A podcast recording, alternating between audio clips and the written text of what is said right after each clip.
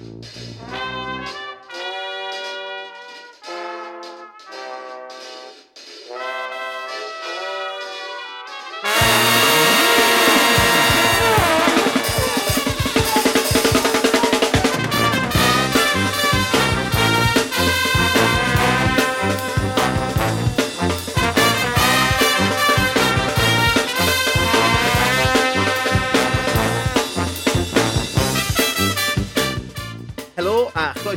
benod 18 o Ysbeidiau Heilog gyda fi, Dwyd Owen. A fi, Lee Jones, lle bydd ni'n cymryd sylw i'r pethau bach sy'n gwneud gwahaniaeth mawr i ni yn ystod y cyfnod hollol hogo hwn. Ie, yeah, so ni yn uh, bodlediad hollol anibynnol, does na ddim, uh, does na ddim nawdd, ond i bai bod rhywun eisiau cynnig nawdd i ni. Um, ond do, eh, dos ddim, so na gyn ni'n gallu gofyn i chi ein gwrandawyr hyfryd yw i rannu ag i dan ysgrifio ag i ddweud wrth eich ffrindiau amdano ni. Um, neu ddim, ond fuck you os chi ddim. Ond uh, na, just helpwch ni i dyfu'r pod a gwedwch wrth y byd am ysbeidiau heilog. Lee Jones, siwr ei ti heddiw? Ah, all right. Yeah, yeah. Ddim yn bad. Ddim yn re-convincing fyna. Uh, yeah, pwy dwi'n trio convincio, ti neu fi? Um, a ti'n gwybod, just, uh, dwi'n meddwl dwi'n, um, just kind of, just kind of, uh, used i fod yn isel ar hyn o bryd, dwi'n meddwl. Um, ond, ti'n meddwl, gan dweud hynny, newydd bod ar yngwyliau am, am bythefnos, a oedd hynny'n... Ie, am, ambell waith, mae fe'n wath ar ôl dy gartre, right? Ie. So, so, so, so, so, so, so, so, so, so, so, so, so, so, so, rhoi'r teimladau negyddol o'r neilltu a, ag, ag esgus bod nhw ddim yn bodoli. O, oh, ie, yn union. O, sori, fi ddim eisiau tynnu ti lawr. Nawr bod ti'n ôl. Ah, o, ie, ie, o'n i yn teimlo... Actually, i ateb dy gwestiwn, o'n mi o'n i'n teimlo'n iawn nes i fi siarad y ti, ie. Yeah. Tan bod ah. ti'n derbyn yr alwad. Ond, ie, oedd e'n hyfryd, oedd ni... Um, Oedden ni, oedden ni wedi mynd i Gymru am pethefnos a wnaethon ni treulio um, tridio hynny yn Sir Benfro a wnaethon ni gael y tridiau blynyddol o dywydd da bod Sir. Benfro yn cael. So oedden ni'n lwcus iawn achos oedd... Uh, oedd hi just mor hardd, chmod, ysblenydd. O, oh, dwi wedi tynnu hynny allan o... Nice. Dwi tynnu hynny allan o rywle. um, oedd hi wir yn just hyfryd. Ac, um, Gobeithio oh. wnaethoch chi barchu rheolau Covid lleol? Uh, Do, wrth gwrs. Dwi'n falch. Be bynnag oedden nhw. Uh... Mae nhw gyd ar wefan y Llywodraeth. o, ie, ie. Um, ie, wrth gwrs. Um, o'n i'n syni, actually, doedd... Um, achos yn fama, mae rhaid i chi... Mae pawb yn, pawb yn keen ar y NHS Track and Trace app. Mm -hmm. Mae gan pawb y, y things. Ond um, yn Sir Benfro, um, dwi ddim yn gwybod os di Bluetooth di cyrraedd sydd benfro Na, eto. E achos maen nhw'n... Mae pawb yn rhoi slip o bapur i chi pan ydych chi'n oh. mynd rhywle'n yn fanna. Dwi wedi gweld hwnna ar waith hyd yn oed yng Nghaerdydd, ti'n mo? Na well, beth oedd hi yn y canton. Mae lot mwy ddibyniadwy na'r, nar app. A, twa, a, a, yn enwedig, oh, yeah. enwedig yn ddiweddar, mae llwyth o bobl yn... yn twa, uh, um, uh, uh, uh, kind of can llaw mae pawb yn, neu'r, neu cyngor mae pobl yn rhoi i'w gilydd ar hyn o bryd yw os di'r app yn dweud wrthych chi hunan yn ysu, mae ma, y cyngor mae pobl yn rhoi i'w gilydd yw, wel, mae'n edrych yn bullshit, dwi'n dweud, peidiwch ag hunan yn ysu achos does dim reswm i ti, dydy heb bod yn un man fath o beth. Ond dyna thing, achos, um, achos y Llywodraeth um, y DE yn um, just mor sicr o ddatblygu app ei hunan, oedd, oedd kind of um, sgerbwd app wedi cael ei greu eisoes yn um, well, Singapore, ond oedd um, Llywodraeth Brydain mor kind of set ar, ar cael ei fersiwn nhw a, a dechrau un o'r gweilod, chymod, just fel bod nhw'n gallu casglu data a gwerthu hi, hynny, oh, yeah, chymod, yeah. hynny yw be, be sy'n digwydd. Ond, um, chymod, mae hynny'n bwnc wahanol, ond, ond un o'r problemau cyntaf, pan ddyn nhw treialu'r um, yr app yma ar um, yr Isle of Wight. Um, un o'r, un o'r broblemau oedd achos Bluetooth yn gweithio trwy waliau, oedd pobl oedd yn byw mewn tai terrace yn cael uh, notification yn dweud bod nhw wedi bod mewn cysyllt efo rhywun, achos oedd rhywun drws nesaf iddyn nhw wedi cael y notification dweud bod nhw mewn cysyllt efo rhywun, a'r person drws nesaf iddyn nhw a drws nesaf iddyn nhw. Felly, chymod, pobl mewn tŷ ar, ar ddiwedd y stryd yn achosi chain reaction fel lawr y stryd a yn ôl y sôn dyw'r broblem yma heb cael ei ddatrys. Fel cymaint yn, yn o broblemau arall. Um, ond wrth gwrs, I mean, mae rhaid bod ti fel rhywun sydd yn byw yn, yn Lloegr, yn Llundain, mae rhaid bod ti'n edrych ymlaen at um, Freedom Day! Ti'n dod lan o'r cwbl o ddosau? Ti'n edrych ymlaen at hwnna? Dwi uh, dwi ddim wedi edrych ymlaen at rhywbeth yn fy mywyd llai na Catwy. uh, man, oh god, just, man, man awful yn diwe. Y thing yw... just achos, bullshit. O'n i, achos o'n i ar y, achos, oedden ni ar y tren dod nôl o, o Ogledd Cymru lawr i, lawr i Lundain, a tymo, ma, uh, oedden ni wedi mynd ar y tren i, i Newcastle, tymo, mis diwetha, a be bynnag, a pan ydych chi ar tren fel na, tren kind of, traws wlad, maen nhw'n kind of, mae pawb yn eistedd yna gyda'i mygydau ymlaen, mm -hmm. eistedd lawr, neb yn cered o gwmpas, mae'n dawel, dych chi ddim yn gallu mynd i'r um, i'r caffe achos mae wedi cae, ydych chi'n gallu ordro trwy app, ond ydych chi ddim yn cael cered o gwmpas. Yeah, yeah. A mae teimlo yn, kind of, yn ddiogel ac yn uh, fel rhyw fath o kind of os chi yn eich set chi, mae fel rhyw fath o ddihangfa. Swnio. Dim cymysgu. Fel carchar! Ie, yeah, carchar y meddwl. Um, ond na, ond on, on, on, on, oedden ni'n mynd ar y tren o, o, o Gair yn ôl lawr i Lundain a, a dyma ni yn y kind of, yr, uh, yr amgylchedd yma a wedyn dyn ni'n cyrraedd Houston a gorfod mynd ar y tube a o man bach am wahaniaeth Um, oh, just... just pobl, chymod, pobl jyst yn hapus i ddod i eistedd nesaf i chi. Um, llwyth o bobl ddim yn gwisgo mi gydau sydd, uh, tywod, sydd yn mental, achos... Hwna'n swnio... Achos chi'n gallu cael dirwyon a pethau fel yna, ond yeah. ni jyst ddim yn... Uh, ni jyst ddim yn he heddlu'r peth dim mwy. A mae ma, ma pobl wedi jyst gwneud eu meddyliau nhw i fyny dros y peth. Mae'n edrych fel um, yn Llundain, er bod achosion yn mynd i fyny. Well, dyma, dyma, um, dyma, dyma, dyma'r joc mwyaf amdano fe'n dweud bod um, achosion ar ei fyny, a maen nhw'n rhagweld, erbyn y 19th, maen nhw'n rhagweld, a mae hwn yn dod o geg yr asynod ei hunan. Um, maen nhw'n disgwyl 50,000 o achosion bob dydd erbyn y 19th, right? O, o edrych ar y ffigurau fel maen nhw nawr. A, ar ôl, a, a, a, a maen nhw dal yn mynd i godi'r holl gyfyngiadau, so Uh, And... Dim social distancing, dim, dim mygydau, pethau fel un, right? A, a wedyn mae ma, ma Johnson, fucking cocksucker ei hun, wedi gweud heddiw, bod nhw'n disgwyl i'r achosion godi o fewn like, pethefnos i dros 100,000 y dydd. A chi jyst yeah. mynd... So... Uh, yeah. Hang on. What? Yeah, well, I mean, it is, it's, it ni nôl, ni nôl i herd immunity, right? yeah, yeah, ddweud, yeah. heb ddweud y gair, right? maen nhw, maen nhw literally eisiau i mwy o bobl farw. Maen, ma nhw fel Ma... bod nhw wedi redeg allan o, o, o amynedd gyda'r feirws yma, a wedi just yeah, mynd, yeah. oh, ti'n mwyn beth, fuck it, just gadw yeah. just, just let it go, man, fuck it, byddwn ni'n iawn. Oedden nhw, achos, i, i kind of roi hwnna mewn i perspektif, yn yr ail don, ac oedd yr ail don yn anferth, a ti'n bron iawn yn kind of out of control yn llwyr, oedd ar ei fwyaf, oedd hynny'n 50,000 o achosion y really? diwrnod. O, neu o gwmpas hynny. So, ah, ma, a dyna be maen nhw'n disgwyl wrth iddyn nhw llacio pethau. Fod ti'n dweud, just, just eisiau herd immunity ydyn nhw. Ond... Mae fe'n criminal, right? Erbyn hyn. Mae'r beth sy'n digwydd well, yeah. yn criminal, right? A... A, a mae fe'n... Mae apathy um, y boblogaeth yn ryfeddol. Um, does na... Ni gyd ar, ni gyd ar y Twitters yn ffucking jawlo. Fi ar y podcast yn jawlo. Neb yn ei ffuck all.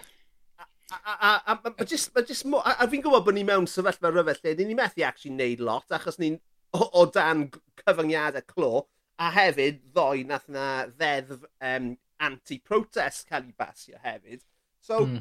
ti'n ma, ni mewn sefyllfa effernol o ryfedd, ond mae codi pob cyfyngiad yng nghanol pandemig yn, wel, esgeilus yw un gair, ond ti'n mm. mae fe'n hmm. lot mwy na hynny. Mae fe'n ma fe, ma fe sinister. Mae fe'n... Ydy. Mae fe'n fucking sinister, man. A mae'n... Ma, y, y, y, beth, y y beth sy'n kind of just syni fi yw, Oce, okay, falle mae yna kind of um, dadleuon economaidd, okay, fine. Ac os, os ydych chi'n glynu at uh, rhyw eidioleg a, a dyna beth ydych chi'n credu, okay, fine, a cer amdani... Lawrence. Ie, yeah, cer amdani, chymod, whatever, ond um, mae yna... Um, mae yna dyletswydd arnyn ni um, i, i kind of rheoli pethau. Achos os oes, os oes can mil o achosion y diwrnod, dyna can mil person y dydd sydd efo'r virus yn byw yn eu cyrff nhw. A dyna can mil o bobl gyda virus ynddyn nhw sy'n gallu traws newid eto yeah. a dyn ni'n mynd i gael variant newydd a pwy a oed, falle mae hynny'n mynd i fod yn variant sydd yn mwy beryglis mm. i, i fwy o bobl a bydd hynny'n lledaenu trwy'r byd. Felly mae yna, ma ddyletswydd i, iddyn ni kind of stopio hynny rhag ddigwydd a stopio hynny rhag lledaenu i, i mannau eraill yn y byd hefyd. Ond, ond fi'n meddwl, fi meddwl bod y gair yna, uh, dyletswydd a chyfrifoldeb hefyd, fi'n meddwl bod rheina'n eiriau reit estron i um, i wleidyddion San Steffan yn enwedig a'r, ar tyried yn benodol. Dwi, dwi ddim yn gweld unrhyw fath o um, oh, yeah. dyletswydd um, o ran gofal i... Dyletswydd, ie, yeah, dys dim dyletswydd casgliadol. Na goes. A mae fe'n um, frightening, right, i... Ti'n o, yn edrych o bell, achos ti'n yn, yng Nghymru, right, ti'n dwi ddim yn, yn, yn, yn gefnog o'r llaf i'r Cymru, dwi wedi beirniadu nhw droion dros y blynydde, ond o, o leia mae yna ma, ma rhyw fel buffer gyda mm -hmm. ein llywodraeth datganoled i ni, cys dwi, dwi yn credu bod y toried yn San Steffan wedi ffucking colli ddi yn llwyr. Mhm. Dwi'n mm -hmm. dwi, dwi gweld elfennau um, fascist yn eu polisïau nhw. Dwi'n gweld, just, fel ni jyst yn gweud, dim dyletswydd o ofal i'r boblogaeth yn gyffredinol a, a, a just, just scandal ar ôl scandal ar ôl scandal a dim atebolrwydd o gwbl am y peth.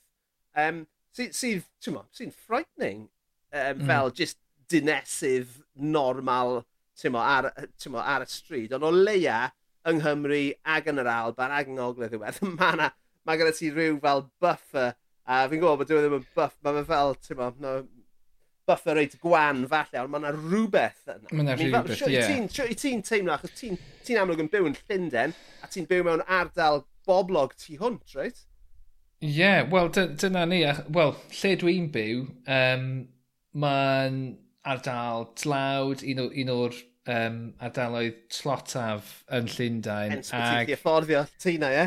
Yn union. Um, up and coming, up and coming. Dyna be nath nhw ddweud. Um, ond, uh, ti'n yn ystod... Um, yn ystod, yn ystod flwyddyn cyntaf y pandemig, am, am frawddeg, yn ystod, yn ystod blwyddyn cyntaf y ffucking hyn llef, um, oedd, oedd yr ardal yma yn un o'r llefydd nath cael ei daro gweitha. Really? A, chmod, nifer o achosion a nifer o, o marwolaethau hefyd.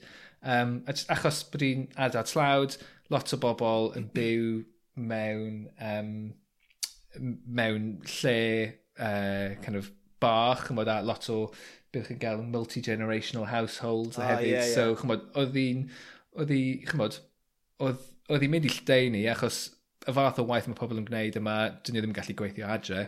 Um, a maen nhw mewn cyswllt efo lot o bobl. So, oedd hi bendant mynd i ddigwydd um, a bendant mynd i fod yn ddrwg yma. Um, Ac o'n i wastad yn teimlo wrth kind of edrych ar Gymru, o'n i'n teimlo, like, dwi'n dwi casau'r gair hiraeth, ond mi oedd na rhyw hiraeth at kind of bod yna uh, er mwyn kind of cael y diogelwch hynny. Ond mae, dyna'r thing, ti'n dweud, does dim lot o buffer, a hynny oherwydd dominyddiaeth Lloegr, o fewn y deyrnas gyfunol. Mm -hmm. um, ac oherwydd hynny, mae'n... Mae, mae Cymru'n gallu gwneud polisiau eu hun, ond mae rhaid iddyn nhw kind of dilyn trywydd Lloegr mewn ffordd. Felly'n hytrach na kind of cael cynllun hollol uh, uniongyrchol ar gyfer Cymru, mae rhaid i Cymru kind of wneud fersiwn o beth sy'n digwydd yn yeah, Lloegr neu, neu dilyn be mae Lloegr yn gwneud ond mewn wythnosau sy'n dilyn achos just achos dominyddiaeth um, well, cyfryngau Saesneg ti'n mo? Ie, yeah, mae hynny'n wir a, a, a wrth gwrs mae'r neges yn mynd ar goll Ie, yeah, yn union. Um, mae rhaid i'r neges... Yeah. Ond hefyd, fel, fel ti jyst wedi gweud, I mean, mae ma, ma dominyddiaeth yma o ran poblogaeth, mae dros 60 miliwn o bobl yn byw yn Lloegr, a ar ôl y uh, pedwerydd a'r bymtheg nawr, bydd lot on yn dod i Gymru reis ar ei gwyliau, e, achos mm. mae'r cyfyngiadau wedi newid, a mae fe'n mynd i fod yn effern i, mo, as in frontline, public-facing uh, pobl sy'n gweithio mewn caffis a siopau mm -hmm. a stwff fel un fi'n siarad am nawr yn hytrach yeah, yeah. Um, yn y gwasanaeth iechyd.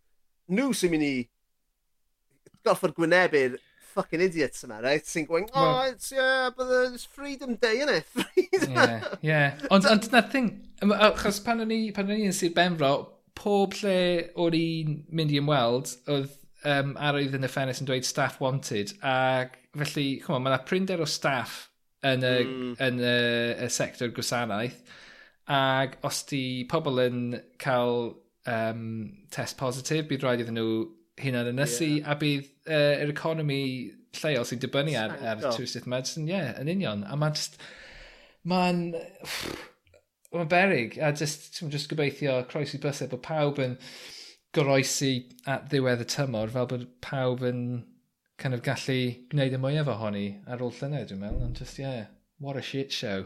Yeah, absolutely, man. So, anyway, byddwn ni'n meddwl amdano ti nawr wrth bod chi'n cael eich rhyddid yn Lloegr. Um, ac, um, yeah, gobeithio, ti'n meddwl, byddai di'n gallu llyfu Lawrence Fox uh, rhywle, rownd, mae fi'n clywed bod e'n byw yn Llundain yn rhywle, so cer i lyfu Lawrence yeah, Fox. Ie, ti'n gwybod e trwy'n amser, ie. Oes ti, ti'n mewn band gyda. Mae just fel, mae just fel Cymru, ti'n gwybod. Ie, man. Um, yeah, so, um, Ie, dyna ni. Pawb i gadw yn, um, yn, yn, yn, yn ddiogel allan yna. Cymerwch, ti'n mo, bach o synwyr cyffredin, ond ffucking hell. Peidwch cymryd unrhyw yeah. shit. Ie, yeah. off, ni, off unrhyw seison. Off unrhyw seison! uh, Dyn ni ddim yn wrth Saesneg, na. Na, ddim gwybod. Wrth wankers. Wrth, wrth wankers. Wel, mae ma, ma, fy merch i'n Saes, yn. A mae hi'n wanker bechod arni. O, oh, Drian. o, oh, mae hi yn lythrenol. Mae hi'n... Um, mae hi She's yn... a little cockney geezer! Na, o, oh, mae hi'n... Mae hi yn... Tymod, mae hi yn... Uh, Wel, mae hi'n wanco. Ti'n methu stopio hi? oh my god. Oh my god. Ti'n gallu stopio hi. Ti'n goffod... Oedd problem gyda mrawd am sydd oedd e'n tyfu lan. Um, a oedd jyst rhaid ni glymu ei ddwylo tu ôl i gefn. mae hi, honest, mae ma ganddi, mae ganddi hi gwningen bach meddwl. Oh my god, mae gen i sain ar eina. Mae gen i quote, mae'n quote yn nofel cyntaf fi, dan fy mrawd. Uh, Gael fi ffeindio fe. Um, classic, ar y sfynud. Dyma fe. Ti'n gallu darllen hwnna? Ambell waith, mae'n rhaid cael wank. Chwarae teg. Fy mrawd. A mae hwnna gyd yn deillio o'r ffaith bod e methu stopio hali am sydd yn tyfu lan. Anyway, shout out yeah. to Russ. But ti'n bod, uh, yeah, ti'n bod, when you gotta go, you gotta go. Ond os mae'n, ti'n bod, tair pedwar gwaith y diwrnod pan mae pobl yn ymweld, uh, falle, falle ddim. mae'n goffi o'r um, uh, siarad am fy mrawd, nath e anfon um, yr, y, y, y sketch, of a Big Train, um, y, y, y, y Wanking in the Office sketch, ti di cofio hwnna? Oh, ie, ie, ie. Na fe anfon na, ti'n fi heddiw fel mae'n digwydd. Hwna'n absolutely amazing. Dal, dal mor ffynnu, dal mor ffynnu heddiw, ag oedd e, 20 mlynedd yn ôl. Ond, um, yeah. Wanko, Saison, masks, freedom. um, uh, OK, Llywyd, so... Um, hawlio... Hawlio? Hawlio. Hawlio. Uh, mae gyda i'r bin... Uh, a beth yw'r trydydd peth sy'n gwneud ti'n hapus yr wythnos yma?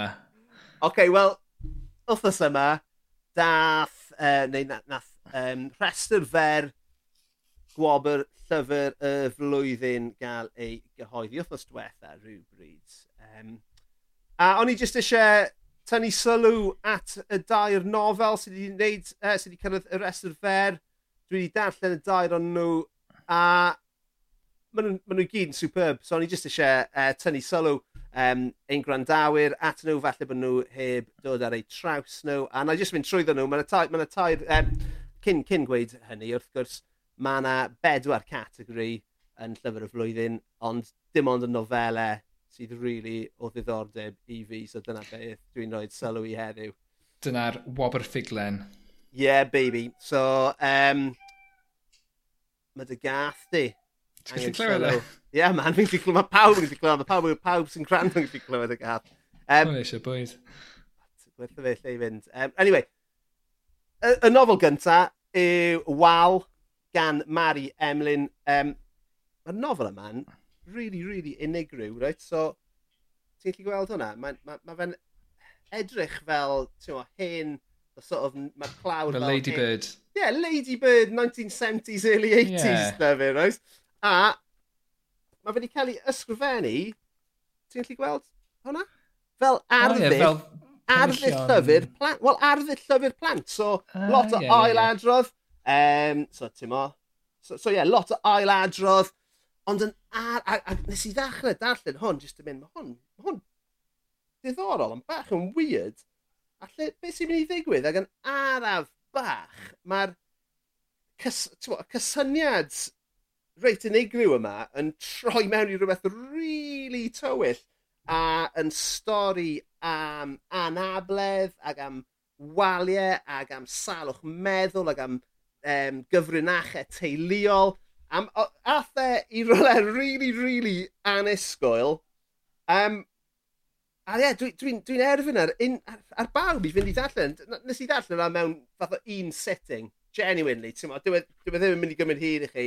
A, ti'n mo, be, be, be chi'n edrych am ar restre byr fel hyn yw rhywbeth unigryw. Rhywbeth sy'n mhm. sefyll allan rhag gweddill y, y, y dorf. A yn sicr mae wal gan Mari Emlyn yn gwneud hynny i'r dim. Absolute genius. Um, nofel nesaf sydd ar y restr yw Twll Bach yn y Niwl gan Llio Maddox. Um, mae Llio yn fardd ac yn nofelydd. Uh, dyma nofel gyntaf i oedolion fi'n meddwl. Fi'n meddwl bod wedi ysgrifennu llyfrau i blant cyn hyn.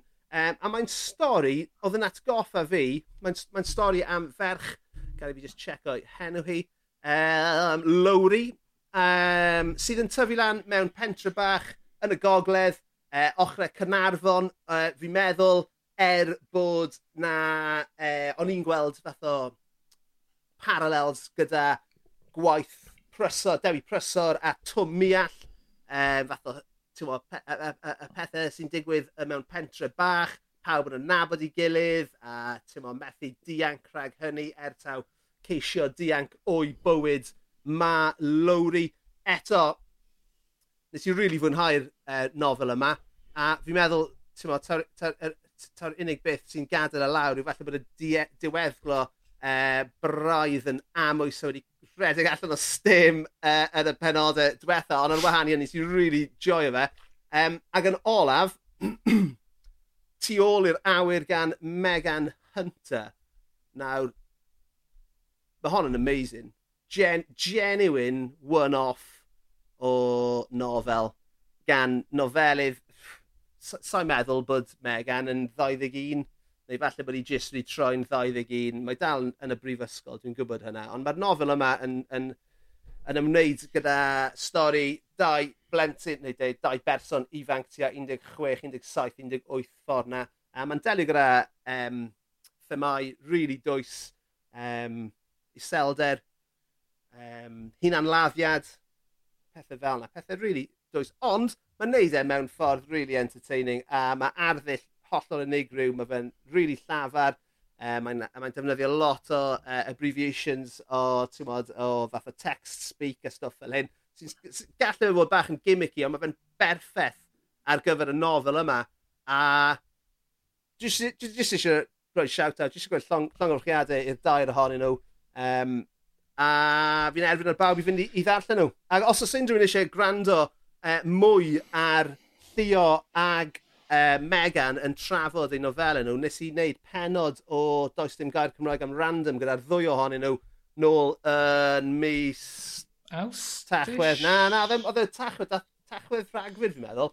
Ond, a, a mae'r ddwy nhw'n siarad lot mewn dyfnder yn amdano fe a llawer mwy wrth gwrs, ond, ie, yeah, briliant, ffantastig a am, ti'n mo, am, am flwyddyn arall gryf iawn i, um, i, i nofelau yng Nghymru, achos wrth gwrs, uh, just tu hwnt i'r rhestr fer yna yn rhif pedwar oedd um, Rhedeg i Baris gan Llwyd Owen. Mae'n ma rhaid dweud, e, uh, mae'r uh, e, ma tair yma uh, cael ei cyhoeddi gan y lolfa hefyd. Uh, oh, boom, yeah, man. Dy gyhoeddwyd di, so yeah, yeah. Uh, just eisiau... Um, Mae dyn ni'n dyn ni'n gofyn am, am nawdd, um, felly, come on a lolfa, fucking hell. come on, um, Ond ie, yeah, oedd hynny, um, so, os, uh, bydde ti'n fodlon dweud yn gyhoeddus pwy ti'n meddwl sy'n heidd i ennill, neu wyt ti'n meddwl bod na bod dy ffefryn di yn wahanol i pwy fydd yn ennill? Na, na, no way, Megan sy'n mynd i ennill. Megan Hunter sy'n mynd i ennill. Achos, e, er bod y ddwy nofel arall yn, yn dda iawn ac yn heiddi ei lle yna. Mae ma, ma, ma llais a gweledigeth um, a'r yr execution o un Megan yn, yn berffaith a yn anamal iawn chi'n gweld hynny mewn nofel gynta. A mae'n ma, ma, wirionel, mae'n bwerus, man.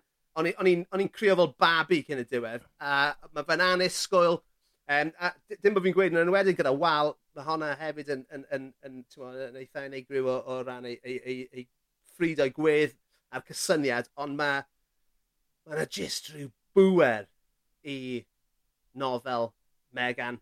A dwi'n dwi, dwi gobeithio, taw dyma'r dachrau um, iddi hi. A fel ni'n gweud, dim ond, dwi'n meddwl 21 oed yw i, a dwi'n gobeithio bydd hi'n mo, yn, yn cynhyrchu ac yn ysgrifennu am byth. Ti'n mo, hmm. gobeithio byddwn ni'n troi rown mewn 20 mlynedd a bydd i di ysgrifennu 15-20 o lyfrau. Mo, dyna'r gobeith, anyway.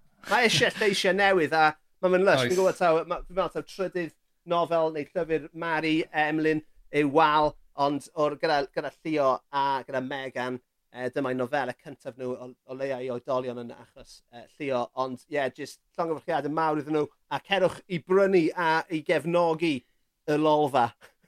Ti'n gwybod be? Mae'n ma hyfryd llwyd clywed ti'n siarad mor angerddol a mor uh, kind of... Well, just, yeah, just, just llawn, llawn kind of balchder uh, yn dy grefftu uh, ac, um, ac mewn, mewn gwaith pobl eraill sydd yn well, medro yn dyfais di yn hytrach na clywed ti'n angerddol dros wanko neu rhywbeth. Ah, wel, y peth yw, right, er, er bod fi'n awdur, dwi'n dwi ddarllenwr um, mm. gyntaf, achos os nag ych chi'n ddarllenwr, dych chi ddim yn gallu bod yn awdur. Dyna, ti'n gwybod, mae'r ma quote na gan uh, so Garth dwi... Marenghi yn does.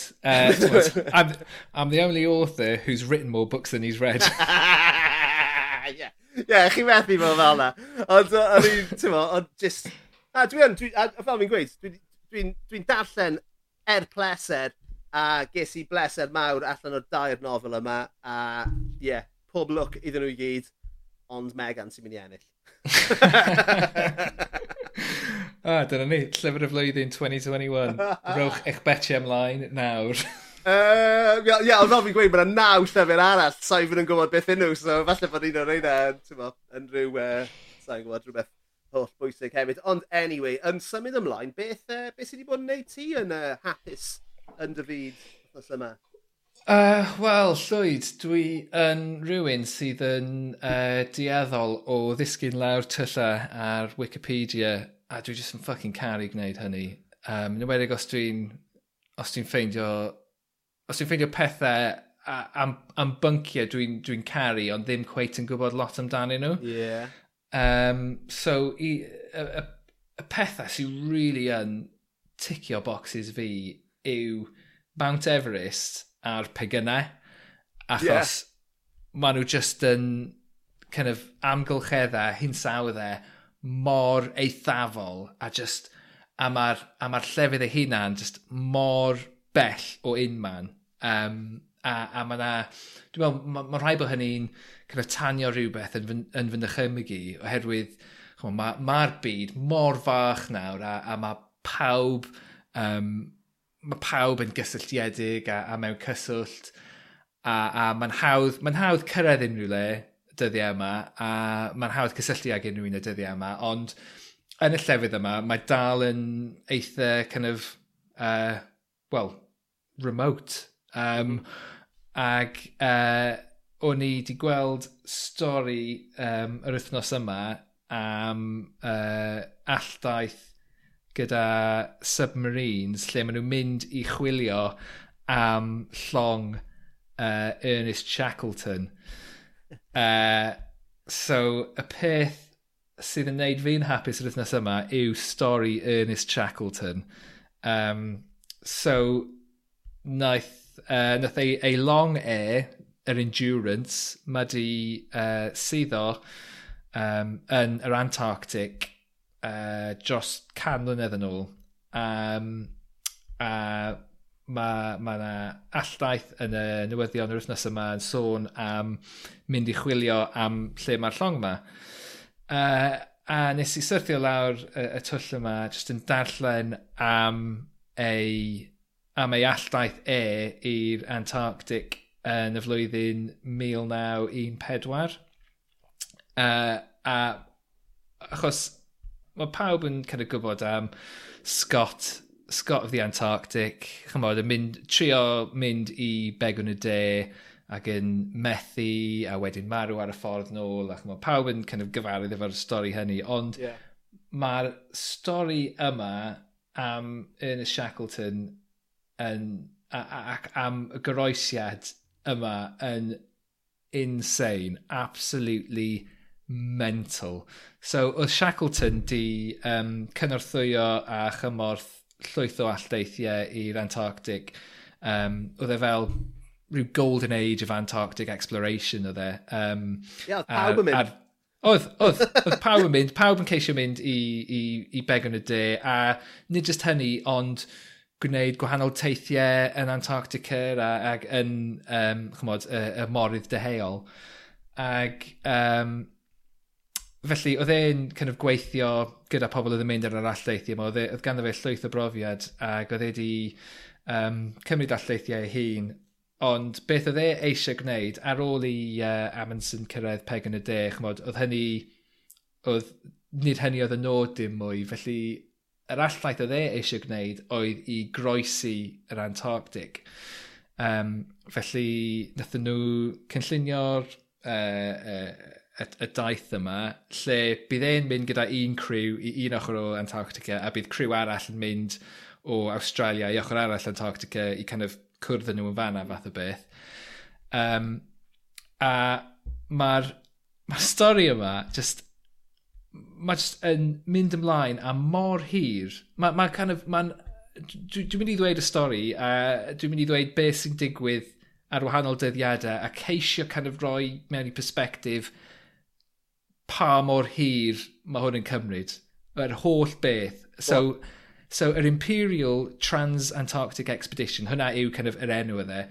Um, a mae'n dechrau ym 1914 a mae'n gorffen ym 1917. Um, so mae'r ma llong, yr Endeavour, yn gadael Portsmouth ar yr 8fed o awst 1914 sef uh, pum diwrnod ar ôl ddechrau'r rhyfel byd cyntaf. Um, Get the fuck out of Dodge, innit? so, so maen nhw'n gadael ar uh, roethfed o awst a maen nhw'n cyrraedd Buenos Aires uh, tu am mis wedyn.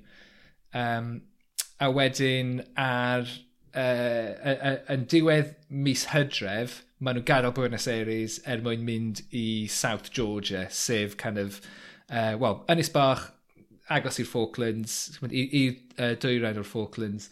Um, uh, ag o fanna, oedden nhw'n mynd i hwylio i lawr i Antarctica i'r Weddell Sea, y môr Weddell, lle mae fel bai mawr, kind of, mae'n ma kind of sharp i bedol bron a bod.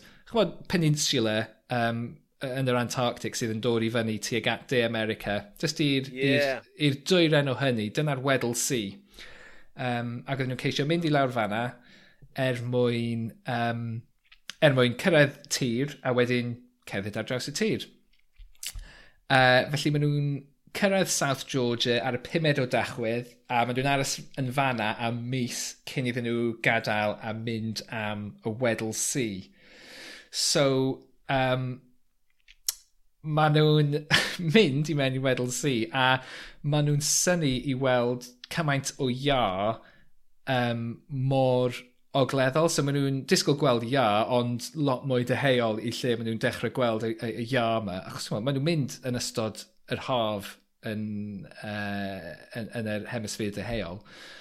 Ac um, felly maen nhw'n gadael ar y pumed o ragfyr a'r er, 17fed o Ionawr, yr ail, yr ail ar bymthegfed, ysgysodwch fi, BBC Radio Cymru.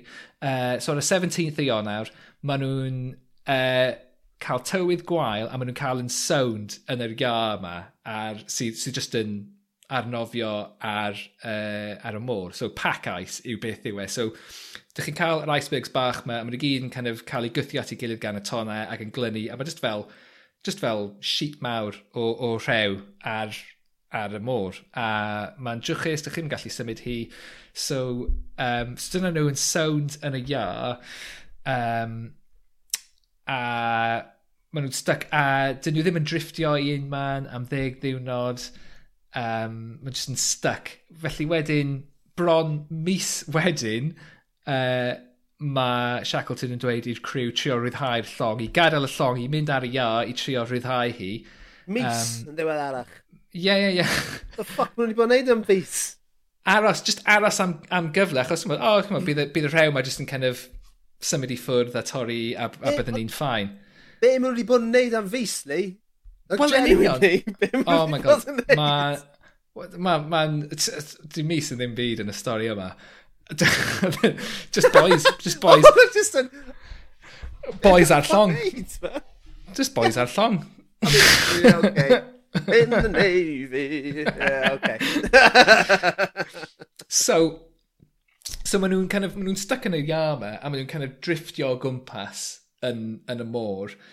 Um, ag, uh, erbyn uh, uh, unfyd ar ugen o chwefror, maen nhw'n cyrraedd y pwynt mwyaf deheuol maen nhw erioed yn cyrraedd ar, ar yr allaeth yma cyn i'r iar dechrau just driftio'n ogleddol gyda nhw. Um, so, so, hang on, hang on. So, maen nhw'n stuck mewn, rhew, mewn, mewn um, beth ti'n galw, uh, beth yw, iceberg. Kind of, yeah. yeah? Well, kind of... So, a, a, well... a, a, a, a mae'r er bod yr, y cwch yn sownd yn y rhew... Mae'r rhew yn symud. Ie, yeah, mae'r syniad na beth o'n eisiau, ond so mae'r rhew yn symud. Ie, yeah, maen nhw'n stuck yn y rhew, a mae'r ma, ma, ma, ma, ma tirwedd maen nhw'n gallu gweld i gyd just yn rhew, mor bell maen nhw'n gallu gweld, yeah. a mae'r rhew yna jyst yn symud o gwmpas, ond dydyn nhw ddim gallu gweld bod nhw'n symud achos does dim nodweddion tirol o gwmpas nhw. Um, so, so maen nhw wedi bod yna wedyn am rhyw dwy fus yn sownd yn, uh, sownd yn y iâ yma. Diwedd chwefror, mae Shackleton yn sylwi, right, dyn ni'n stuck yma am y geiaf. Dyn ni ddim dyn ni ddim yn mynd i cael allan o fama nes i'r uh, nes i'r iar toddi haf nesaf, sef, ti'n bod, chwe mis i ffwrdd. Ond roedd na, roedd na allaeth um, cyn iddyn nhw fynd, allaeth gan Almeinwyr cwpl o fynyddoedd yn gynt, a nath yr un peth ddigwydd iddyn nhw, nath nhw cael yn sownd yn yr iar, oedd nhw'n styc am chwe mis, a wedyn yn yr haf, nath, yr, nath y iar toddi, ac oedd nhw ffain, a nath nhw just, nath pawb groesi trwy aros ar y cwch. So dyna beth... Hollol insane. Ond on dyna beth, ond dyna beth oedd Shackleton yn disgwyl i ddigwydd pan oedden nhw'n stuck yn y rhew yma. Um, ag, uh, so oedden nhw'n ceisio, um, so oedden nhw'n mynd i fod o leia pedwar mis yn stuck yma, nes bod nhw'n gallu trio ffeindio ffordd at tir. Um, ag oedden nhw'n gwybod oedd just rhaid iddyn nhw aros. A ti'n bod, maen nhw'n aros wedyn trwy mis Mai, Mehefin a Gorffennaf. Mae hi'n mae hi'n dywyll. Does dim, ti'n modd, dwi'n hael ddim yn codi. Wel, falle mae'n codi am tua hanner awr y diwrnod. Ond y cwestiwn um, cwestiwn yw, siwr nhw'n cael yn dwy ma stuff yn un? O, jyst gwisgo cotiau. Wel, I guess so. Dyna ni, ond on, honestly, just, just a kind of yr elfenna a pob dim oedd rhaid iddyn nhw, achos just y stori, pa mor hir mae hwn yn mynd ymlaen, dych chi'n kind of colli perspektif o beth oedden nhw'n kind of neud, o, o pa mor oer ydi a beth maen nhw'n gwneud o, o, o ddydd i ddydd yna. Felly, oedden nhw'n stuck yna am, am tyma, tai pedair mis. Um, felly, oedd, uh, oedd y cwn oedd efo nhw yn cael ei... Um, yn, yn, oedden nhw'n kind of ymarfer nhw pob dydd. Weithiau oedden nhw'n rasio'r cwn ac yn betio. Ni'n meddwl bod ti'n mynd i ddweud bod nhw'n bwyta nhw, man. o, nid eto. Dyn ni heb cyrraedd hynny eto. Dyn ni mond yn pedair mis i mewn i hwn. So, erbyn diwedd gorffennaf, oedd e, y oedden cyntaf o'r, or rhew yn dechrau torri fyny. Um, ac ar dechrau mis awst, oedd, oedd na storm oedd yn, oedd yn dechrau kind of, dinistrio rhew yma o gwmpas, y, um, o gwmpas y, y, y llong. Um, Felly felly maen nhw'n kind of maen nhw dal yn stuck, ond ma'r ma'r cwch nawr 'di kind of cwympo i un ochr.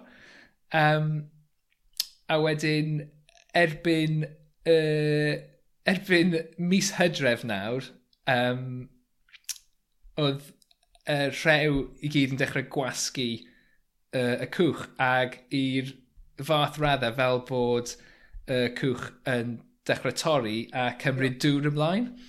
So oedd hyn, oh. oedd hyn yn mis hydref, so maen nhw wedi bod yn stuck am naw mis ar, ar y cwch ma, yng nghanol nynlle, heb unrhyw cysyllt ag unrhyw un. Dim wifi. Um, na, dim wifi, dim, yeah. So, um, so oedd y Cymru dŵr ymlaen ag um, felly nath Shackleton benderfynu i cymryd uh, y tair bad achub oedd ar y llong, i ffwrdd o'r llong, a dechrau cymryd adnoddau i ffwrdd o'r llong fel bod nhw'n gallu defnyddio badau achub pryd bynnag maen nhw'n cael cyfle. Um, achos maen nhw dal, cymod, ar, ar y iam i gyd. Um, felly, uh, ar, felly tridiau wedyn, mae Shackleton yn, cymod, dweud y gorchymyn i abandon ship. Um, so, chymod, yn swyddogol, mae'n abandon ship a maen nhw just wedyn yn gwersylla ar, uh, ar y ia mewn uh, pabelli a be bynnag. Mae'n ma, ma, ma minus 26 gradd Celsius. A, a maen nhw'n gadael y cwch, a maen nhw jyst yn kind of gwneud gwersyll nesaf, nesaf i'r cwch yma. Ma just ar, syniad... ar uh, rhewlydd? Ie, ie, ie. So, yeah, yeah, yeah. so, so maen nhw fel ar ynys o rew yn yeah. pitch a tent. Ie. Yeah. Ond mae'r ynys o rew mae'n anfyd. Mae'n o, na, fi'n deall hynny. Ond, ond ie, yeah, ond dyna, ond dyna lle maen nhw. Ond, ond y peth mwyaf amazing yw mae yna ffotograffiau o, ohonyn nhw yna. A mae'r ma, lluniau yn anhygoel, achos maen nhw really yn rhoi synwyr i chi o beth oedd hi fel. Mae yna ma lluniau o'r llong yn sound yn y rew yn kind of tiltio i ni ochr. A, a just, just, uh, yeah. A, a, so, mae'n really yn rhoi chi mewn yna. So maen nhw'n abandon ship ac, ac lle maen nhw pan mae hynny'n digwydd um, maen nhw oh my god uh, yeah. so, sorry ni i dorri ar draws fi jyst fi googlo'r lluniau maen nhw'n anhygoel holy shit man a maen ma nhw'n mor crisp a ma'r ma ansawdd o'r lluniau ma mor mor dda yn dyn nhw os ti'n meddwl ffotograffiaeth well, cam mlynedd yn ôl ti'n meddwl lluniau blurry mae gen ti'r gole Mae gen ti'r golau lawr fan yna, yn dweud. Oes. Yn adeg iawn y flwyddyn, wrth gwrs. Ond waw, ie, yeah, ie, yeah, mae hynna'n werth gweld. So pan maen nhw'n cael y gorchymyn i, i abandon ship, maen nhw tua 300 milltir i ffwrdd o unrhyw dir.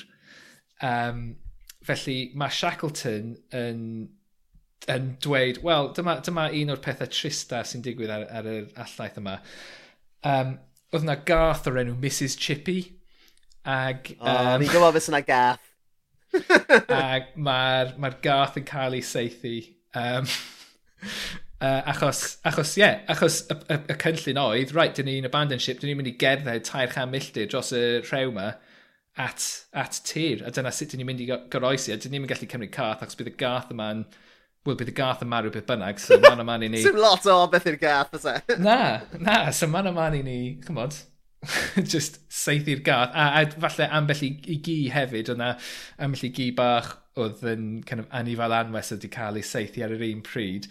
Ond mae ma na, ma na cofeb, so oedd, oedd um, er, er, um, oedd na sair coed ar y cwch, achos oedd sair coed wastad ar, ar cychod pryd hynny.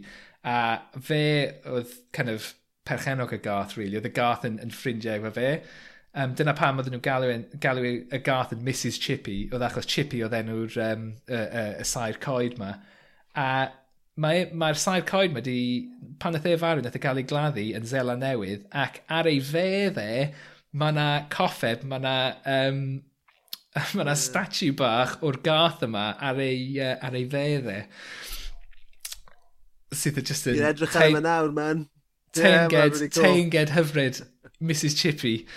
Um, so, maen nhw'n... Uh, so, maen nhw'n cymryd dau o'r tri bad achub ar sledges ac yn trio cerdded dros y rhew yma, ond achos y uh, kind of pa mor um, kind of wel dwi ddim, dwi ddim yn llyfn, mae'n ma, ma, ma really really anodd i, i, i cerdded yma. Maen nhw'n uh, yn y tridiau cynta maen nhw'n cyrraedd maen nhw'n cerdded dwy milltir mewn tridiau. Mae fel mynd am dro gyda, gyda plant. yn union, yn union. A dwi'n meddwl, yn, yn ei ddyddiadur, the Shackleton yn dweud, at this rate, it would take us over 300 days to reach land. Dwi'n meddwl, yeah, so, be maen nhw'n penderfynu i wneud yw just stopio ar y ia ag um, gwersylla. Maen nhw'n nhw, nhw adeiladu'r gwersyll yma, uh, lle maen nhw. A dwi'n meddwl, ambell waith ydyn nhw'n gallu um, hela uh, morloi a weithiau penguins yn dibynnu ar pa, pa amser o'r flwyddyn oedd hi. Um, Chocolate bars, ie? Ie, ie, ie. um, so, dyna diwedd mis hydref. Um, Rhyw so, maen nhw wedi bod, mis... ma bod ar y daith yma nawr am faint am dros flwyddyn well, ydyn? Ie, ie, ie. So, nath nhw gadael yeah, yeah, awst 1914 so, a, a dyma hydref 1915. A maen nhw wedi bod yn sownd ar, ar y iar yma ers, ers dros naw mis. Um, felly wedyn, yn y cyfamser, maen nhw'n mynd yn ôl um, i'r endeavour i, i gael mwy o adnoddau, mwy o fwyd, y pethau fel yna. Um, a maen nhw'n uh, cymryd y, y trydydd bard achub hefyd. Um, ag uh, felly mae'r ma, ma endeavour yn suddo ar, ar ddiwedd mis tachwedd. Um, ac ar, uh, ar y pumed o ragfyr, mae'r rhew yn dechrau, yn hytrach na symud i'r gogledd, mae dechrau symud i'r dwyrain sydd yn mynd yn bellach i ffwrdd o'r tir. um, so mae Shackleton yn gorfod gwneud penderfyniad. Mae cymryd pethefnos i, i cyrraedd y penderfyniad yma ar ôl iddyn nhw dechrau driftio i ffwrdd. Um, a'r penderfyniad oedd dyn ni'n mynd i gerdded eto. Um, a felly deuddydd wedyn, ar y trydydd ar ugen o rag, fydd nhw dechrau cerdded eto. Ond wrth gwrs, maen nhw yng nghanol yr haf, so mae'n gynnes, mae pawb yn, yn kind of dioddau o'r gres, achos maen nhw'n gwisgo cotiau mawr ac yn cwmo, gwneud ymarfer corff, yeah. maen nhw'n suddo yn yr eira meddal, a maen nhw mond yn gallu teithio rhyw, uh, rhyw saith milltir mewn saith diwrnod.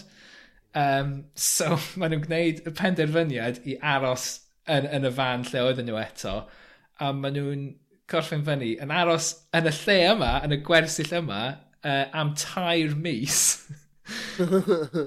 Just yn aros. So, um, so oedd hynna'n mis rhagfyr. Erbyn y mis Ionawr, 1916, mae ma rhan fwyaf o'r cwn wedyn yn cael ei seithi. Um, achos oedden nhw'n dibynnu ar gormod o fwyd. Um, yeah, yeah. So, oedden nhw'n seithi'r cwn, bita'r cwn. Um, yum, yum. Ie, yeah, ag uh, oedd y gweddill ohonyn nhw yn... Uh, oedd y gweddill o'r cwn wedi cael ei seithi wedyn tair mis wedyn ar ddechrau mis ebrill.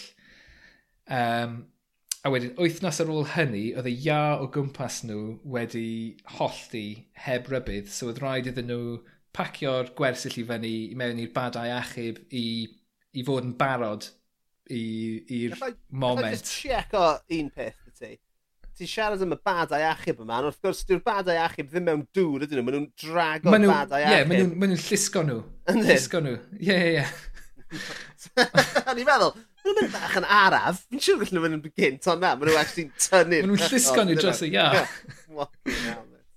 Um, so, maen nhw'n maen nhw'n lawnsio'r badau achub wedyn ar yr, uh, ar yr wythfed o ebryll. Um, a wedyn dyma, dyma quote rhyfeddol o, o Wikipedia. Um, conditions in the boats in temperatures sometimes as low as minus 29 Celsius, with little food and regular soakings in icy seawater, were wearing the men down physically and mentally. Really, two years in, just that in a wear them down. a dyna, achos dyna'r thing ti'n meddwl, so, wel, ti'n meddwl, ti'n mewn cwch, siwr bod, ti'n ffain, wel, well, na, actually, mae dwna yn mynd i fod yn tasgu dros chi trwy'r amser, a just ddim yn, just ddim yn le neis i fod. Felly maen nhw'n kind of, Um, o'r diwedd, tua wythnos wedyn, maen nhw'n cyrraedd Elephant Island. Um, oedd, Shackleton yn gwybod oedd na ynysoedd yna, oedd wedi e penderfynu dyma'r ynys dyn ni'n mynd i fynd ati. Um, felly maen ma nhw'n cyrraedd Elephant Island, ond y broblem yw, does neb byth yn ymweld ar ynys yma um, o' na lot o, ti'n o pobl yn, yn hela morfilod ar y pryd, ac dyna, dyna beth oedd y traffic i gyd, a'r pobl oedd yn ymweld ar y nysoedd yma, oedd pobl oedd yn hela morfilod, ond dydd, y, y pobl hynny ddim yn ddim yn ymweld ar ynys yma, Elephant Island, so oedd rhaid iddyn nhw uh, oedd rhaid iddyn nhw symud ymlaen. ond beth oedd yn digwydd? So oedd na um, oedd yna 29 dyn um, yna, a nath nhw gyd cyrraedd Elephant Island. Um, a pan maen nhw'n glanio, maen nhw'n... Uh, Maen nhw'n ma nhw glanio yna a dyn nhw ddim mewn lle dda, di'r troeth dyn nhw ar, mae'n ma gil um, a mae'n uh, a chymod mae'r ma um, uh, mae llan yn dod mewn yn uchel yn fan a so dydw i ddim yn lle dda iddyn nhw wersylla So dyma nhw'n cael mewn i'r cychod ac, ac yn mynd am saith milltir arall ar hyd yr arfordir at rhywle arall lle mae'n well. Ti'n gallu dychmygu be mae hynny'n teimlo fel? Chi bod yn, just yn kind of driftio ar y môr yma sy'n just mor kind of horrible a wedyn, dych chi'n cyrraedd tir a wedyn maen nhw'n dweud na, mae'n rhaid i chi mynd mewn nôl mewn i'r cwch a nôl mas i'r nôl mas i just mynd ar hyd yr arfordir am saith milltir arall mae e'n swnio fel hunllef llwyr. A, a, a ti'n gwybod, fi'n gwybod bod yna anturi, anturieithwyr allan yna, hyd yn oed heddiw, ond mae'r mm. byd, fel ti'n gweud, yn llawer mwy hygyrch heddiw, ond nôl pryd ni, mae'n ma, rhyfeddol bod y 29 o'n nhw dal yn fyw well, ar ôl dwy flynedd yn y rhew, yn dywe? Ydyn ni, ydyn ni just, just bron tua, well, tua hanner ffordd trwy stori yeah. gyd yw hwn. Ond mae pawb yn fyw ar hyn o bryd. Ydyn, ydyn. Um, ond mae un person, pan oedden nhw'n glanio, oedd na un person, um, uh, Lewis Rickinson, nath e, um, nath e mynd yn sal wrth iddyn nhw dod i ffwrdd o'r cychod ac wrth nhw glanio, a mae doctor wedyn yn dweud bod e wedi cael trawiad ar y galon. A mae fe'n fe 32 mlynedd oed a wedi cael trawiad ar y galon. Um, be oedd y doctor ddim yn gweud wrthych chi oedd bod angen swper arnyn nhw a dyma'r boi oedd yn mynd. Wel, so, so dyma beth, so be wnaethon nhw, oedd, oedd nhw gyd i cyrraedd yma ac oedd, chymod, oedd pawb just reit ar, ar derfyn ei kind of, ei, ei gallu nhw, really. Ond oedd Shackleton yn gwybod, doedd neb yn mynd i dod i'w achub nhw os oedd nhw jyst yn aros yna. So oedd rhaid iddyn nhw mynd i South Georgia lle oedd e'n gwybod bod na um, pobl yn, Cathod yn hela mor morfilod yeah. a, a pobl yna. Um, y broblem efo hynny oedd bod South Georgia rhyw 800 milltir i ffwrdd. so mae Shackleton yn cymryd pimp gwirfoddolwr mewn un o'r badau achub a maen nhw'n croesi'r môr i South Georgia A mae Shackleton yn disgrifio ar y moda, mae'n dweud um, bod y, y tonau oedd y tonau uchaf oedd e wedi gweld mewn chwech ar ugen mlynedd ar oh y môr. God. A, a, mewn, a mae rhaid mewn, nhw... Mewn môr yeah. sydd wedi rhewi hefyd, neu sydd ar yeah. y pwynt rhewi. Ie, ie, ie. Oh a maen nhw'n...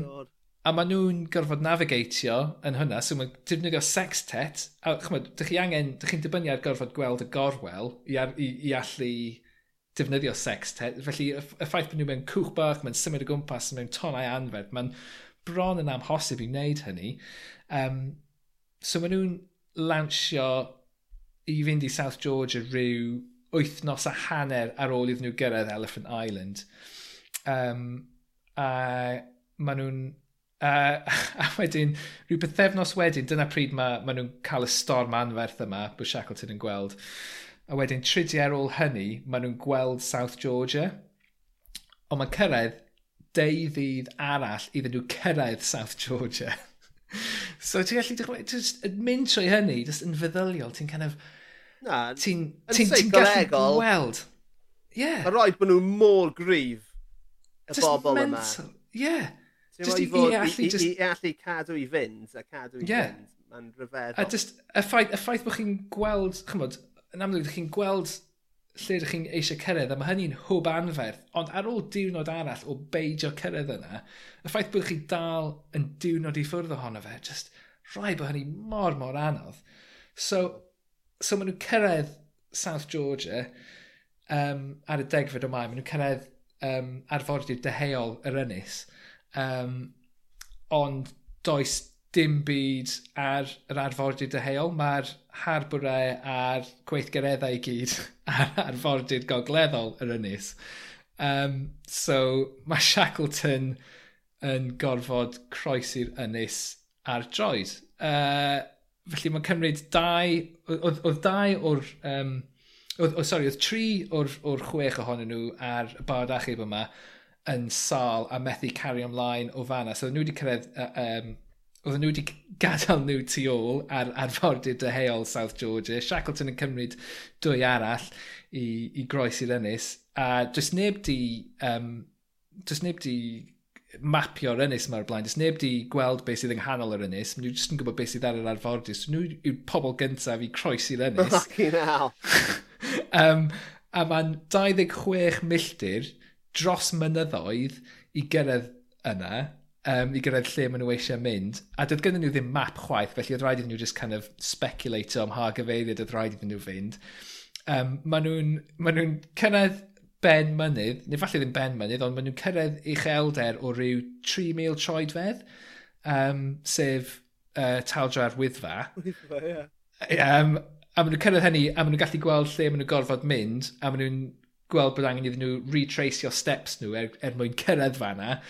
Um, Ag... Uh... Ond fi deimlo'n anifir iawn, just gwrando ar yr hanes rhyfeddol.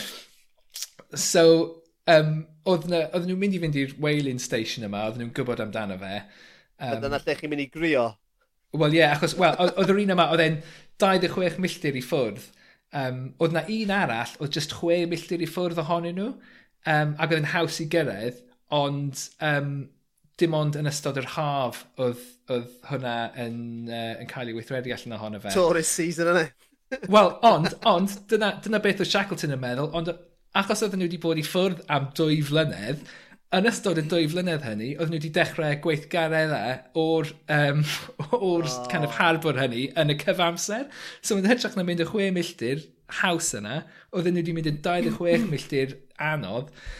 Ac um, yn y diwedd, yn y diwedd uh, maen nhw'n cyrraedd um, uh, yr harbwr yma, Stromnes, ac uh, y diwrnod wedyn mae'r tri ar y de yn cael ei achub um, yn, yn South Georgia, ac uh, wedyn, y diwrnod wedyn, maen nhw'n gadael am Elephant Island, I ôl y crew nhw'n wedi gadael. I ôl, ie, yeah, i ôl y kind of, yr un ar ugen neu'r neu y dau ar ugen oedd yna. Swn i jyst wedi gadael nhw fyna, i gotta be honest. Wel, nath, nath Shackleton roi'r gorchymyn i'r person oedd wedi gadael um, yn, yn, mewn rheolaeth yn fanna i ddweud, os dwi ddim nôl erbyn um, y gwanwyn nesaf, ewch chymod, dych chi ddim mynd i cael eich achub gen I ble? Rhaid i chi symud.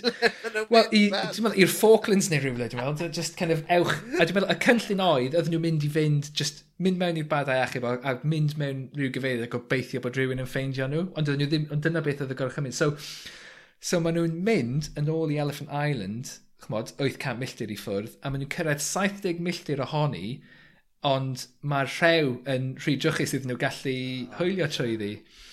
A nath e cymryd... Um, nath uh, Shackleton gymryd uh, pedwar ymdrech i, i fynd i trio gael nhw, trio achub nhw. Nath e cysylltu... Um, so, so ar ôl nhw methu cyrraedd i fan nath nhw fynd i Port Stanley yn y Falklands yn hytrach na mynd nôl i um, South Georgia. A dyna pryd mae Shackleton yn gwneud cyswllt gyda Prydain am y tro cyntaf. A dweud, o, oh, cofio fi o dwy flynedd yn ôl, ie, yeah, dwi dal i fyw um, ond yn y diwedd, mae'n ma, ma, ma cael... Um, so, dyna, oedd hwnna ar diwedd mis Mai uh, 1916 oedd wedi um, gwneud cyswllt gyda, gyda Prydain am y tro cyntaf. Ac yn, ar diwedd mis awst, mawst y 15, dyna fe'n gadael ar gwch i fynd i Elephant Island eto a, a mae'n llwyddiannus y tro yma. Uh, a mae, mae pawb ar uh, um, mae pawb ar Elephant Island yn cael ei achub ar trydydd... Yeah, Mae nhw gyd dal yn fyw? Mae nhw gyd yna a mae nhw gyd dal i fyw. Oedd un person di cael, un person di cael trawiad ar y galon, un person di cael um, ei, ei, ei bysedd ei traed wedi torri ffwrdd, oherwydd oedden nhw wedi cael frostbite a mynd gangrene. Um, a nath nhw wneud, nath nhw wneud uh, um, y triniaeth hynny o fewn awr, just whip, syth i ffwrdd, dyna ni. Ag um, a'r, a'r person arall oedd, uh, oedd ganddo fe i selder. So dyna tri kind of casualty um, allan o'r 29 ohonyn nhw.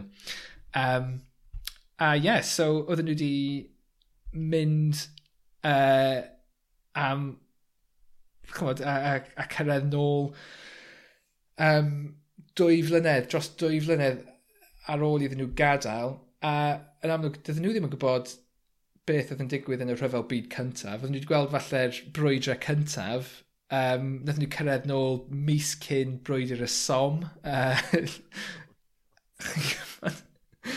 just, er, er, just man mental, just yr er holl, yr er holl beth iddyn nhw fynd trwyddi a just goroesi a just... Wel dyna'r peth just... mwyaf angredadwy mewn, mewn stori llawn pethau angredadwy. Dwi'n meddwl ta'r ffaith bod... bod Wedys ti bod un wedi marw, ie? Yeah? O'r, or 29? Na, nath neb, neb. o'r 29 marw. Dim hyd yn oed y boi gath trawgedd ar ei galon? Na, nath e goroesi. nath e... Nath e marw, nath e marw o um, cancer yr ysgyfaint ar ddiwedd yr ail rhyfel byd. nath e farw pan oedd e'n 61. Wow, I mean, yeah, am stori. I mean, thing... Mae'n teimlo fel, come on, oes hollol wahanol, ond o'r 29 yma, um, nath yr un nath farw diwethaf, nath e farw yn 1979. Wow. Oedd e wedi e, e gweld teledu lliw yn ei fywyd e. Oh, oedd e wedi gweld Dynasty, e a Dallas. Yn union, ie. Oedd e... Wel, gan... Ie. Ie, oedd cael flashbacks. Ond ie, yeah, just y stori anhygoel yma o just, just wow. Achos ti'n modd, y ffaith bod nhw allan yna am... well, just yn sownd yn y, yn y rhew yma am naw mis. A ti'n darllen y stori yma, wow, mae hwnna just yn mental. A wedyn, na, dyn ni ddim hyd yn oed... Dyn ni ddim hyd yn oed i gweld unrhyw beth eto. Di hynny ddim yn helynt o gwbl i, i gymharu y beth sy'n dod. I mean, mae ma hwnna'n, mae fe'n enw, Ernest Shackleton, mae fe'n enw cyfarwydd iawn i ni gyd. Mm. O'n i o'n i wedi clywed am Ernest Shackleton, ond, ti'n ma, mae'r manylion yna, ti jyst i rannu gyda ni, mae hwnna yn neud am stori angredadwy, yn fi, really. Mm. A, yeah. Well, ti'n ma, Ma, ma rhaid, ma rhaid dweud, mae ma lot o'r stori, a lot o'r manylion yn dod o'i ddyddiadur e ac o llyfr nath e gyhoeddi ar ôl iddo fe cyrraedd nôl. So mae yna posibilrwydd fod yna ambell i beth um, tipyn bach yn... Wel, just ffib bach falle. Don't uh, let facts get in the way of a good story, ie? Yeah? Ond, ie, yeah, ie. Yeah. Ond ti'n bod, mae'r ma rhan fwyaf o'r stori yn hollol wir. Um, er gweitha unrhyw embellishments. Uh, a ie, yeah, just absolutely rhyfeddol, ie. Yeah, Dyna'r gair. Rhyfeddol, mental. Yeah. Fuck, e mental bat. In um, bat. A ie, yeah, so, a, a nath Shackleton ddim cyrraedd nôl i, i Loegr tan, um, tan diwedd mis Mai 1917. Nath e fynd ar daith uh, daeth yng Ngogledd America um, yn... Uh, Byddi lecture? Um, darlithio. Darlithio, ie. Yeah. Nath e fynd, nath e fynd ar daith darlithio yng Ngogledd America uh, cyn iddo fe fynd nôl i Loegr. So, so, ie, yeah, so oedd e... Absolutely caru ei waith, chwarae teg. Ie. Ie, so, um, so yeah, dyna ni. A ie, yeah, fel oeddwn ni'n dweud o'r blaen, mae'r lluniau, y photographs, yeah Newn ni roed, newn ni roed links lan at reina, achos maen nhw'n rhyfeddol werth i yeah, weld. A, a na, mae yna ma maps rili really dda hefyd yn dangos lle nath nhw hwylio iddi cyn iddyn nhw cael yn sownd a, a, a lle nath nhw driftio a beth oedd y cynllun a beth bynnag. A yeah, jyst i kind of roi'r holl beth mewn i perspektif achos, ie. uh, yeah. Um, Mae'n anodd i ni yn ein tai clyd gyda'n cysylltiad Wi-Fi Gwres uh, canolog. A'n gwres canolog, ddychmygu unrhyw beth o'r fath yn dweud, ti'n mo?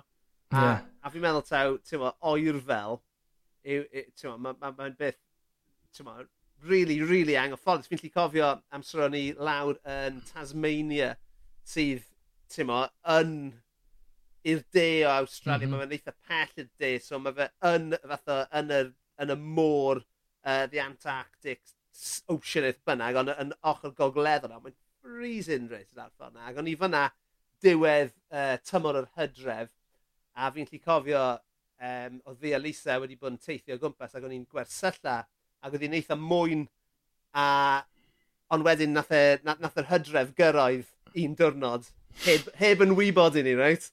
A wnaethon ni fynd i'n, in, i, i, i, i gysgu yn y, yn y babell y noson yna.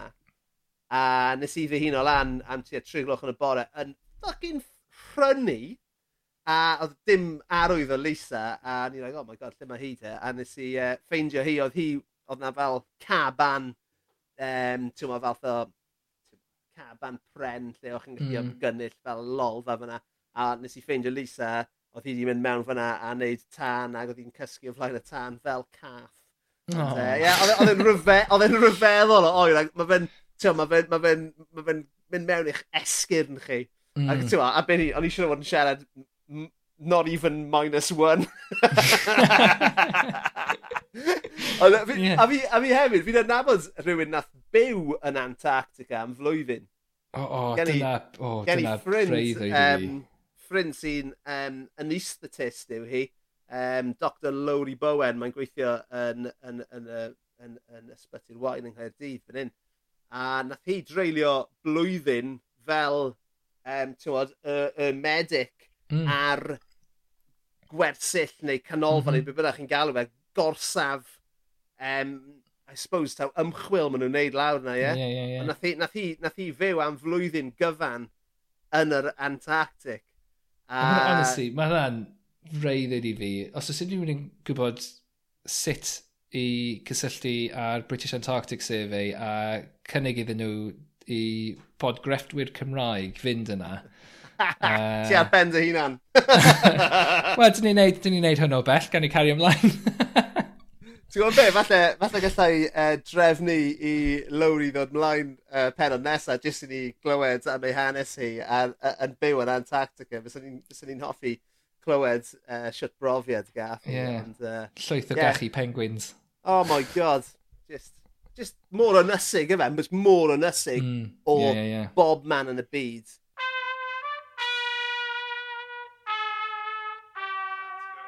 Just i atgoffa ein gwrandawr os oes unrhyw un dal i wrando ar yr outro, rhanwch, tanysgrifiwch, dilynwch ni at ysbeidio i Pod. Ie. Yeah. Byddwn ni nôl wythnos nesa gyda gwestai arbennig. Ie, yeah, sori os ydych chi wedi syrthio i gysgu yn ystod hynna. Siarad lot yn dod i llwyd, ond stori yeah. dda, ond ydi? Stori amazing, man. Stori amazing. Diolch yn fawr ti, boi. Na i weld ti yeah. cyn bo hir, a nos da i bawb.